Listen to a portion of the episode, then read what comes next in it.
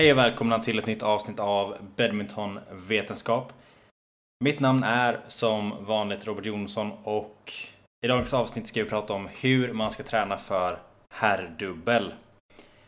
Och med det sagt så kör vi introt.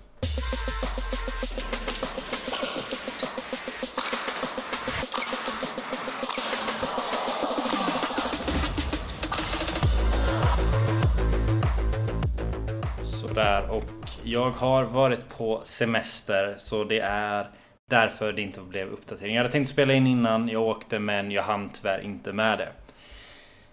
Så här är vi nu. 4 augusti och det är kanske lite sent att gå in på sommarträning men eh, vi kommer ändå snudda på det ämnet. Nu är det ju eh, det har hänt rätt mycket intressant i, i, i badmintonvärlden i allmänhet kan man ju säga nu med de senaste tävlingarna som har pågått. Just nu pågår ju Eh, Australian Open. Där eh, jag jag faktiskt inte har kollat resultaten idag men ehm, eh, det är väl säkert några skrällar som vanligt nu för tiden. Men vi ska hoppa rakt in i det här med herrdubbel och hur man ska träna. Jag tycker att man ska lyssna på avsnittet jag pratade om damsingel och herrsingel.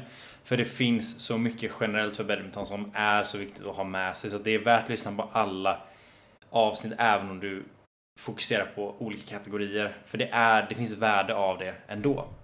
I herrdubbel så har man ju andra delar som man behöver ha bättre koll på eller som man behöver jobba mer på kan man väl snarare säga. Och vi har ju dels en person som vi samarbetar med. Och ibland så beroende på vilken, ofta beroende på vilken nivå man är på så, så har man ju ofta en och samma dubbelpartner. Om man är på lite högre nivå, är man på lite lägre så kan det ju skifta mer. Eh, vi kan ställa olika krav men vi kommer ändå liksom rikta in det här nu på vilken spelartyp man främst är.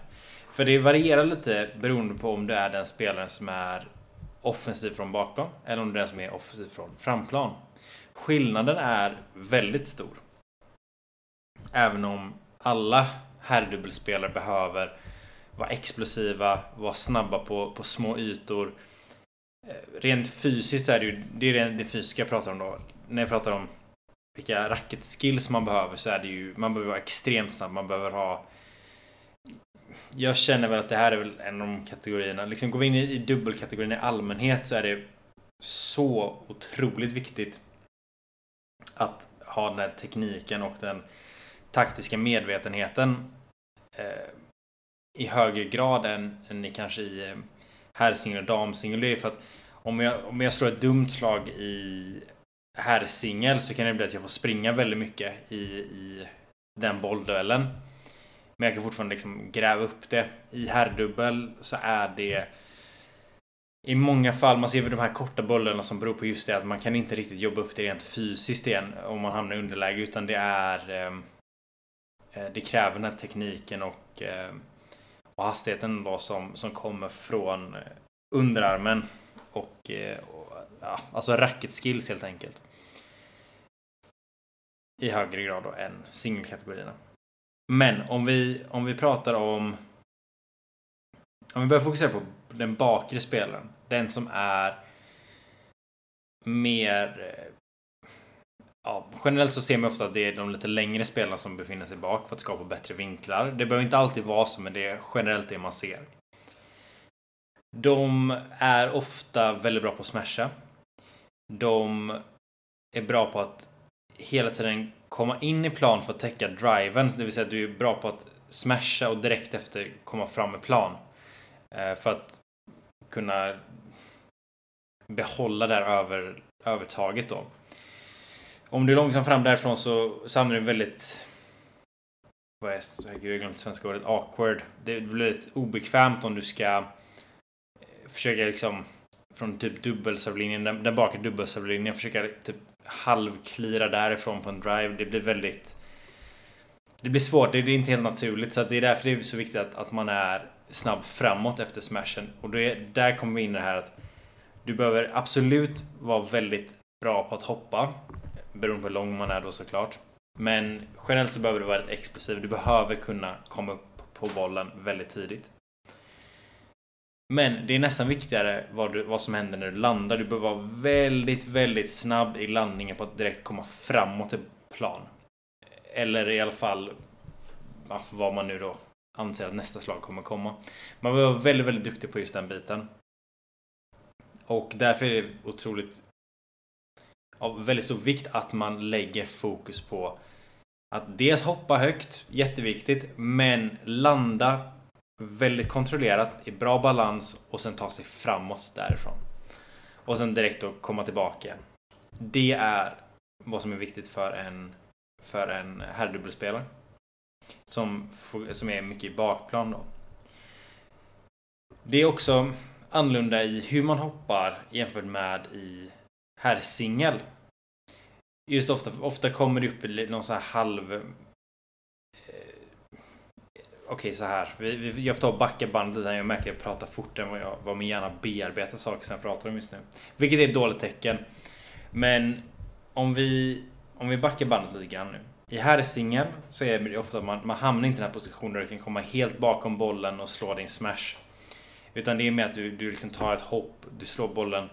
Det kan vara ovanför dig men du har inte riktigt den här tiden. I herrdubbel så har man inte mycket tid på sig men du, du har mer tid på dig att ändå slå ett hårdare slag än vad du har i herrsingel. Men det är också väldigt viktigt i herrdubbel då att man inte slår dumma slag. Vad man kan slå hårt betyder inte att man ska slå hårt. Ibland behöver man slå väldigt mjukt, ibland behöver man slå med mycket vinkel. Ofta är det bättre att slå med vinkel än att bara slå hårt.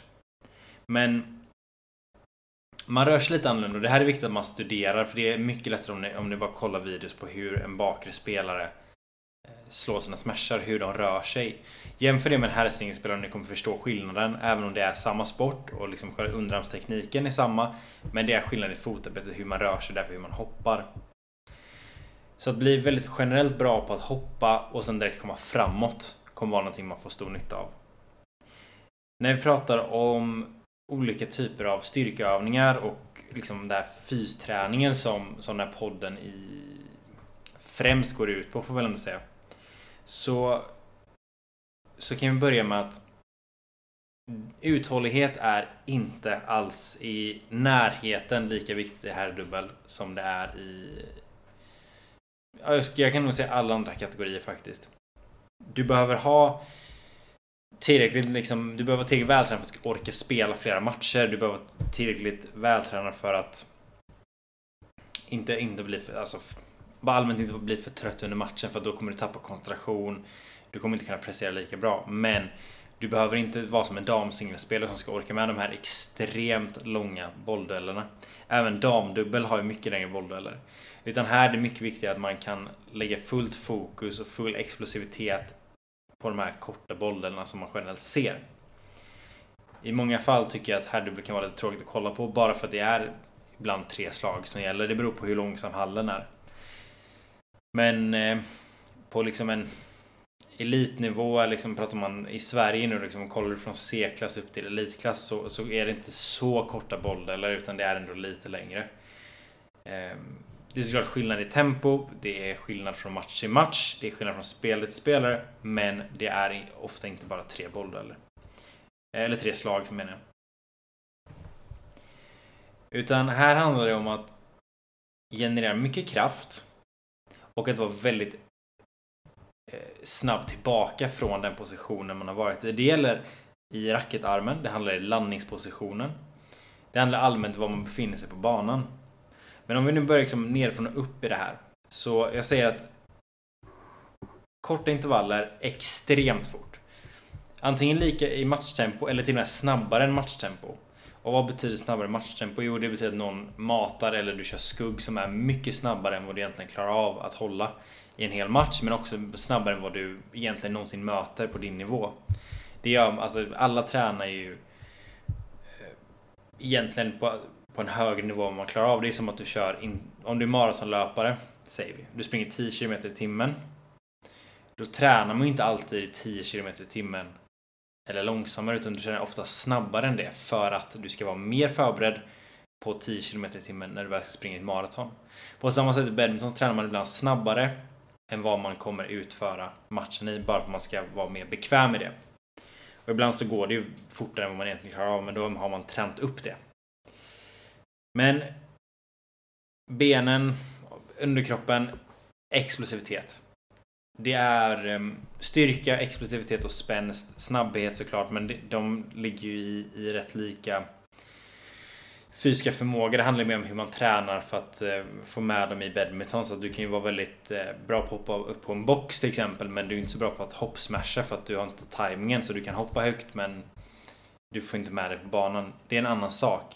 Men det handlar fortfarande om det här liksom att ha muskelfibrerna på, på rätt sätt. Och det är väldigt explosivt. Och det pratar jag om i, i här. Jag pratar om det i många avsnitt. Sommarträning till exempel. Men bygga upp explosivitet. Det är A och O skulle jag säga i det här. Om vi pratar fysiskt nu då. Sen när vi pratar om bålen, för här, här vill jag verkligen få med mer bålgrejer. Och det är att i herrdubbel så ibland har man inte så mycket tid på sig att generera kraft i sin smash. Var kommer kraften ifrån i smashen?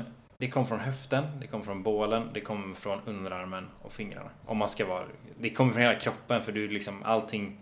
Det går ju som en kedja liksom. Du, du kan tänka dig lite som en, som en om du ser en sån här lång typ Indiana Jones-piska liksom att du, det är där liksom kraften börjar i, vid handtaget, sen så liksom är det precis snärten, det är där det kommer. Snärten motsvarar då där du träffar bollen. Och det här börjar liksom från foten och hela vägen upp. Men om vi börjar med liksom höften och bålen. Där är det, det handlar inte bara om att göra sit-ups här. Utan det är... Man behöver träna båda explosivt också. En bra, ett bra sätt att göra det på är till exempel eh, medball slams du tar en, eh, en medicinboll. Tar den över huvudet, sträcker på dig och sen så med så mycket kraft du kan så gör du som en sit-ups ungefär neråt då. Tänk på att du står nu. Och kastar bollen så hårt du kan i marken, tar upp den och gör om det. Det kan man göra i sidled också. Men att hitta de här övningarna som till exempel woodchopper funkar också bra. Men att hitta de här övningarna då som den verkligen kan vara explosiv i bålen. Gärna med rotation också. Där, där man verkligen får med sig hur det kommer se ut i match. Så att det är, det är någonting som man definitivt ska, ska ha med sig. För liksom, när vi pratar om alltså, styrketräningen och den biten och vi går uppåt i kroppen nu. Så skulle jag rekommendera specifik underarmsträning. Eh, det gäller även, alltså, jag tänker hela underarmen inklusive fingrarna. Och det är för att de här korta tillslagen, kraften kommer från fingrarna. Vi behöver inte bara vara starka i fingrarna och underarmen, vi behöver också vara explosiva där. Det finns olika sätt att göra det på.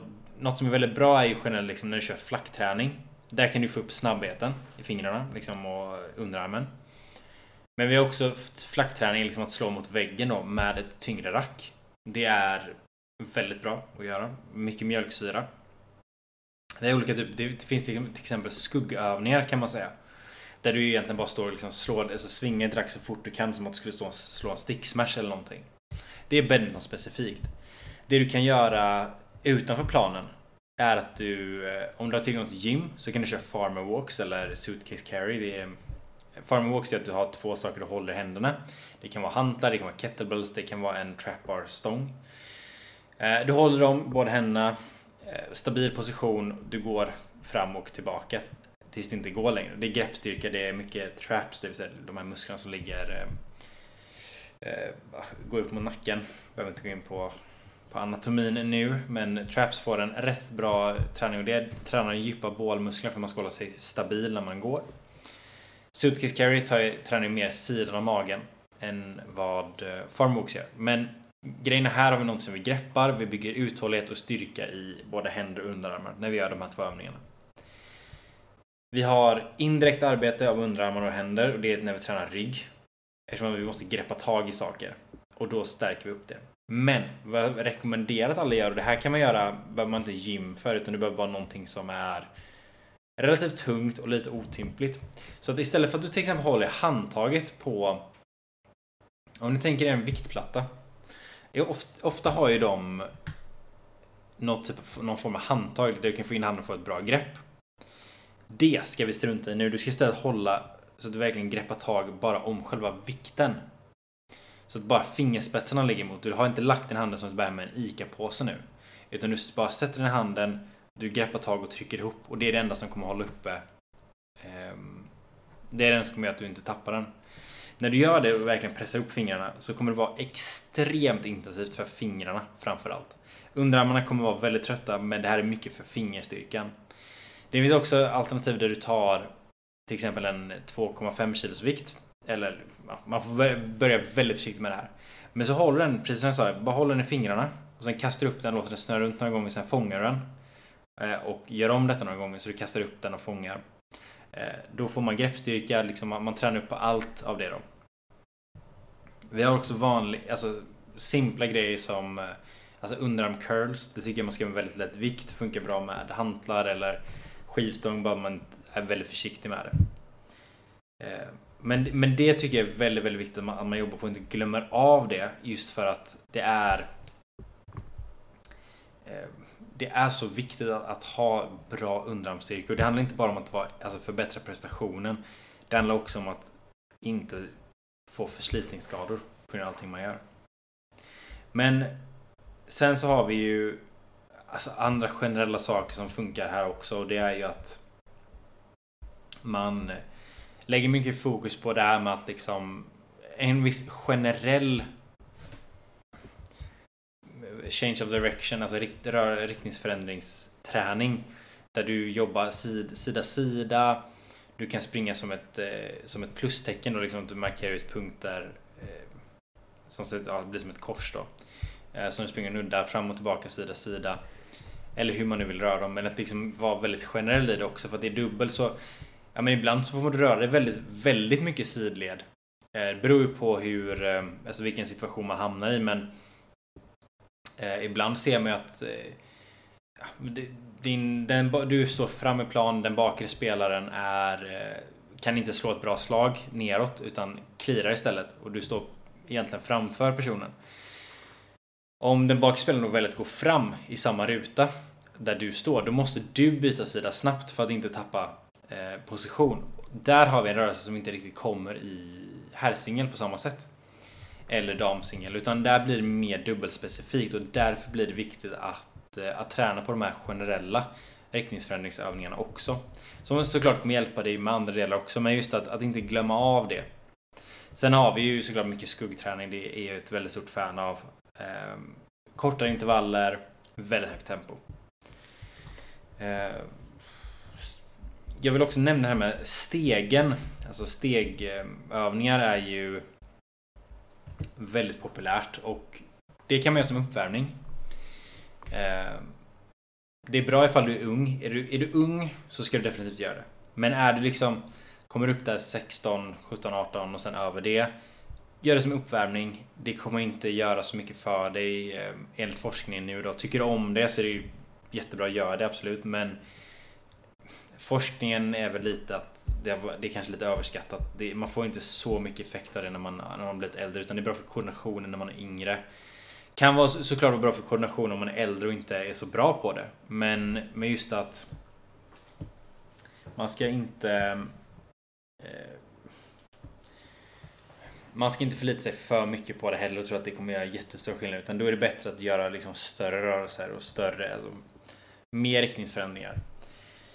Eh, eller snab, alltså riktiga snabbhetsövningar också för den delen. Sen har vi alltså generellt då, liksom, pratar vi kondition utanför planen. Gå ut på någon långrunda ibland. Bara liksom håll uppe eh, den här liksom kapaciteten och liksom hålla pulsen mellan 140, 150, 160 slag per minut och beroende på vilken ålder men liksom zon 2, zon 3 eh, i en rätt lång period. Liksom bli van vid det. Men lägg mycket fokus på, på intervallträning Gärna korta intervaller också. Såklart att man ska, man ska vara man ska vara en väldigt alltså, allmänt tränad idrottare. Men när vi har kommit till den nivån där vi är bra på 70-20 intervaller, vi är bra på ett Cooper-test, vi är bra på eh, olika repeated sprint ability tests. När vi är, när vi, liksom, när vi är ett generellt bra som idrottare, då ska vi lägga mer fokus på att göra de här korta intervallerna få upp pulsen väldigt högt och sen gå ner väldigt fort. Alltså bli väldigt bra på att få ner pulsen snabbt. Ehm, så det var väl i princip det. Men alltså lyssna på de andra poddarna och liksom försök bara bygga upp. Hitta dina svagheter. Och jobba på dem. Men nu har vi pratat mycket om den bakre spelaren. Den främre spelaren har väldigt mycket nytta av de här underarmsövningarna just för att man behöver vara väldigt, väldigt snabb i tillslagen eftersom att det går mycket fortare eftersom din motståndare också står närmare dig så du behöver vara mycket snabbare med med eh, underarmen. Så där har man ju såklart stor fördel av att vara vältränad rent underarmsmässigt. Bålen kommer också ha stor nytta av där. Som främre spelare så är det väldigt viktigt att man är bra på att eh, man kommer alltid liksom stå lite alltså, nerhukad. Man kommer inte stå rakt upp på samma sätt som en, eh, som en bakre spelare. Så det är bra om man har någon typ av toalett, liksom, alltså stå lite mer på huk. Lite mer mjölksyra toalett typ, men det är, generellt brukar man inte få mjölksyra av det. Men det är, det är ändå en del man ska ha med sig. Men att vara i den positionen och vara väldigt snabb med att röra sig från sida sida. Och det är liksom då när du tänker att ni har övertaget och du står framme nät. Att vara väldigt, väldigt snabb på att följa med den bakre spelaren och liksom verkligen stänga, vara en vägg framme. Så att vara snabb sida sida i den positionen. Kan jag verkligen rekommendera. Och det, då har vi olika övningar där du till exempel sätter upp typ två koner. Som motsvarar då banans längd. Där du börjar med att du springer så fort du kan mellan de här konerna och bara nuddar dem. Det är mest basic eh, change of direction grejen vi kan göra.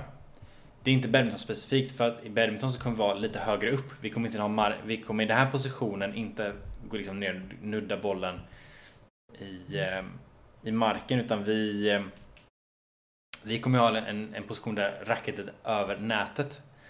Och därför behöver vi också vara snabba på, på att röra oss med, eh, med fötterna i den positionen.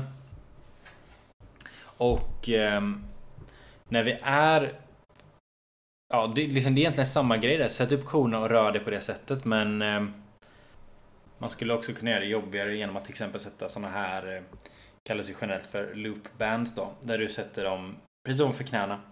Och rör dig så snabbt du kan. Som att du skulle vara offensiv då sida sida framme vid nät. Eh, och liksom gå sidor då framåt, alltså väldigt fort fram och tillbaka med de här banden. Um, får göra det lite jobbigare.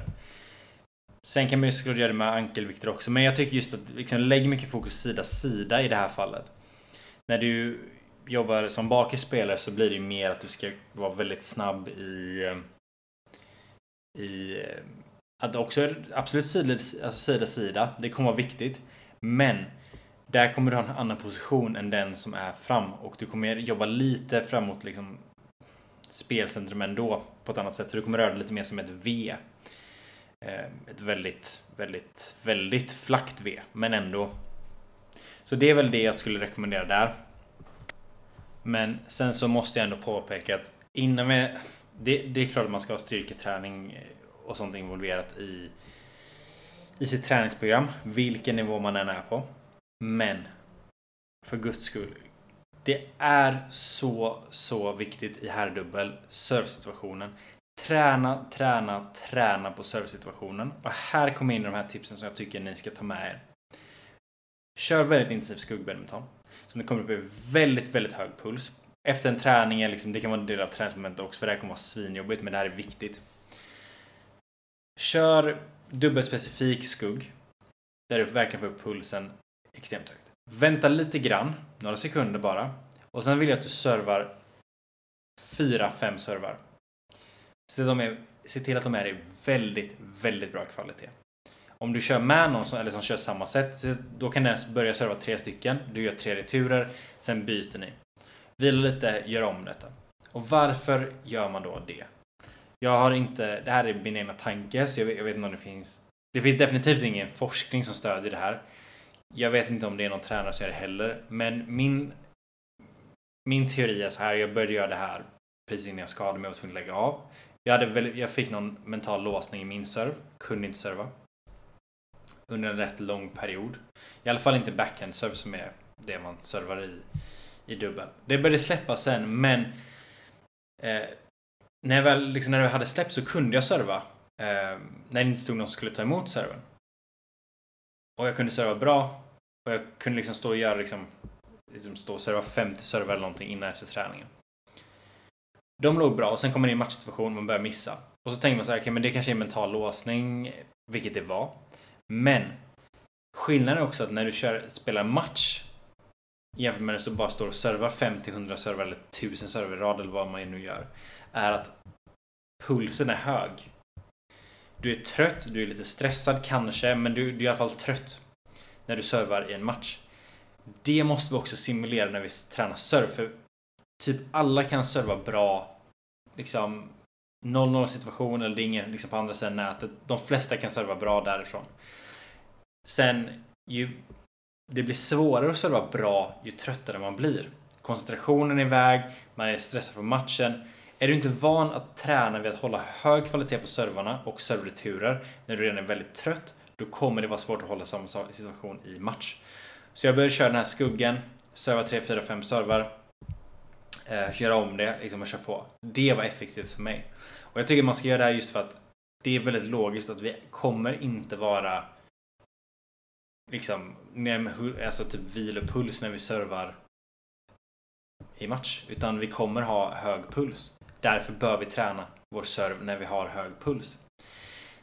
Ibland så kan man precis bara stå och liksom nöta in serven utan att man får upp pulsen. Men jag tycker det är så viktigt att man gör det när man är trött också. Gör det gärna efter ett pass också. När man har liksom ingen koncentration kvar, nästan verkligen fokusera ändå. Det skulle jag rekommendera som, som sista poäng. Just att lägg så mycket fokus på den situationen. Man kommer vinna mycket på det. Och eh, just här dubbel, det ställer så höga krav på, på hur man, hur man är i just servsituationen och det tekniska. Så att glöm inte bort det. Det var allting jag hade idag. Nästa avsnitt kommer handla om damdubbel och sen mixdubbel. Tack för att ni har lyssnat. Ge mig gärna likes och reviews eller vad... Ja, det är egentligen bara fem stjärnor på Spotify eller vad ni lyssnar på det som gäller. Ge mig gärna fem stjärnor. Dela med er till era vänner. Skriv till mig på Instagram at badmintonscience. Där eh, svarar jag ifall det är några frågor som, eh, som folk eh, dyker upp. Och det är väldigt kul när folk skriver för det är faktiskt en del som gör det. Så det är kul. Tack så mycket för att ni har lyssnat. Vi hörs nästa gång.